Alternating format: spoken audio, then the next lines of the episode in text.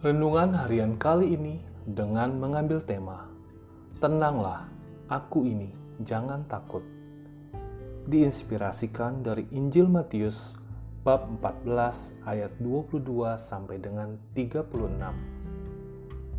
Sekali peristiwa, setelah mengenyangkan orang banyak dengan roti, Yesus segera menyuruh murid-muridnya naik perahu dan mendahuluinya ke seberang Sementara ia menyuruh orang banyak pulang.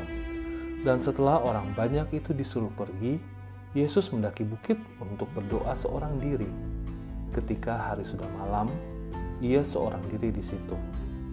Perahu para murid sudah beberapa mil jauhnya dari pantai dan diombang-ambingkan gelombang karena angin sakal.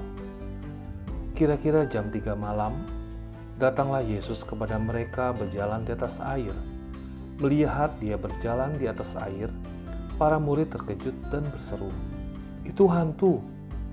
Dan mereka berteriak ketakutan. Tetapi Yesus segera menyapa mereka, katanya, "Tenanglah, akulah ini, jangan takut." Lalu Petrus berseru, "Tuhan, jika benar Tuhan sendiri, suruhlah aku datang kepadamu dengan berjalan di atas air." Kata Yesus, "Datanglah." Maka Petrus turun dari perahu dan berjalan di atas air mendapatkan Yesus. Tetapi ketika dirasakan tiupan angin kencang, Petrus menjadi takut dan mulai tenggelam lalu berteriak, "Tuhan, tolonglah aku!" Segera Yesus mengulurkan tangannya, memegang dia dan berkata, "Orang kurang percaya, mengapa engkau bimbang?" Keduanya lalu naik ke perahu dan redahlah angin. Dan mereka yang ada di perahu menyembah dia katanya, Sungguh, engkau anak Allah. Setibanya di seberang, mereka mendarat di Genesaret. Begitu Yesus dikenal oleh orang-orang setempat, mereka memberitahukannya ke seluruh daerah. Maka semua orang sakit dibawa kepadanya. Mereka memohon supaya diperkenankan menjamah jumbai jubahnya dan semua orang menjamah dia menjadi sembuh. Demikianlah Injil Tuhan. Terpujilah Kristus. Dalam perjalanan hidup, kita sering kali dihadapkan pada suatu peristiwa yang membuat kita cemas, gelisah, dan kurang percaya. Namun, dengan iman yang teguh, kita percaya bahwa Tuhan senantiasa menyertai kita dalam situasi apa pun.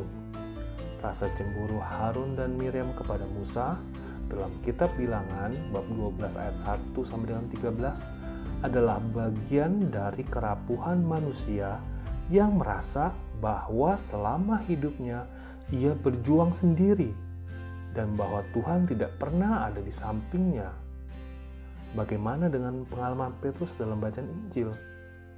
Ia sempat berjalan di atas air karena ingin datang pada Yesus. Namun, ketika diterpa angin, Petrus menjadi goyah dan takut.